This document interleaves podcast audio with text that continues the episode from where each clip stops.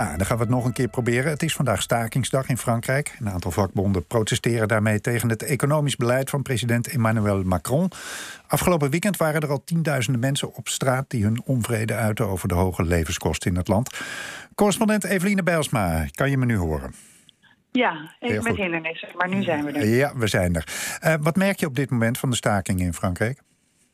Nou, je merkt het vooral in het uh, openbaar vervoer. Er zijn minder sprinters uh, in de regio Parijs. Uh, de helft van de intercities rijdt en de helft van de regionale treinen.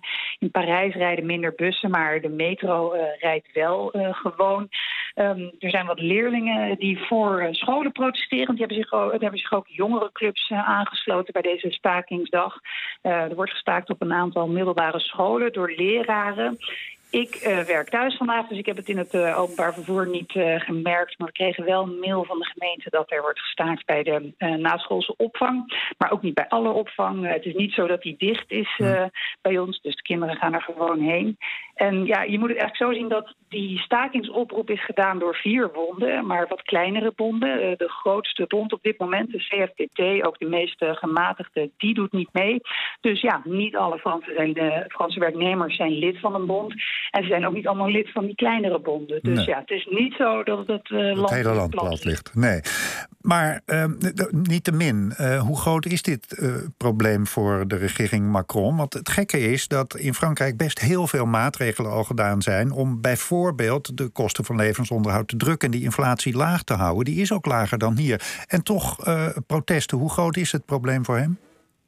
Ja, er wordt gestaan voor hogere lonen om dat, uh, dat levensonderhoud, de, de, de prijzen zijn gestegen, dat te, te compenseren. Um, ja, zo'n inflatiecijfer bestaat uit nou ja, meerdere uh, onderdelen waarvan de prijzen dan, waarvoor de prijzen zijn gestegen. Je merkt het hier in Frankrijk natuurlijk als je boodschappen doet. Dat is duurder geworden. Maar Frankrijk heeft al sinds oktober vorig jaar, dus nu een jaar, maatregelen om de prijs van gas en elektriciteit laag te houden. Die zijn gewoon niet gestegen. Die maatregel is dus al van voor de inval eh, van de Russen in Oekraïne. En eh, nou ja, toen dat gebeurde heeft Macron dat verlengd. Dus de inflatie is hier onder de 6 procent. Is afgelopen maand zelfs eh, een beetje gedaald.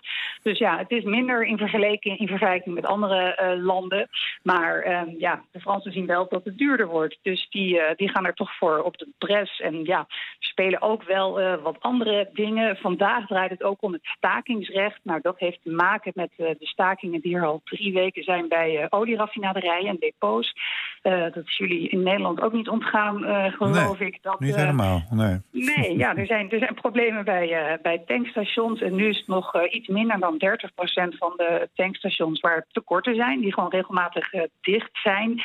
dat komt door die staking. En uh, de overheid heeft gezegd, uh, wij gaan personeel vorderen nu. Dus de om, uh, om toch ja, benzinestations te bevoorraden. Want het werd ook wel echt penibel op meerdere plekken in het land. En ja, heel onrustig bij de pompstations die wel open waren.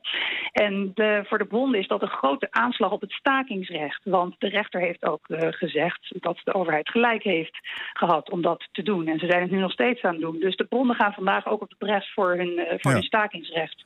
Ja, en het is natuurlijk ook een beetje een Franse traditie, hè, staken.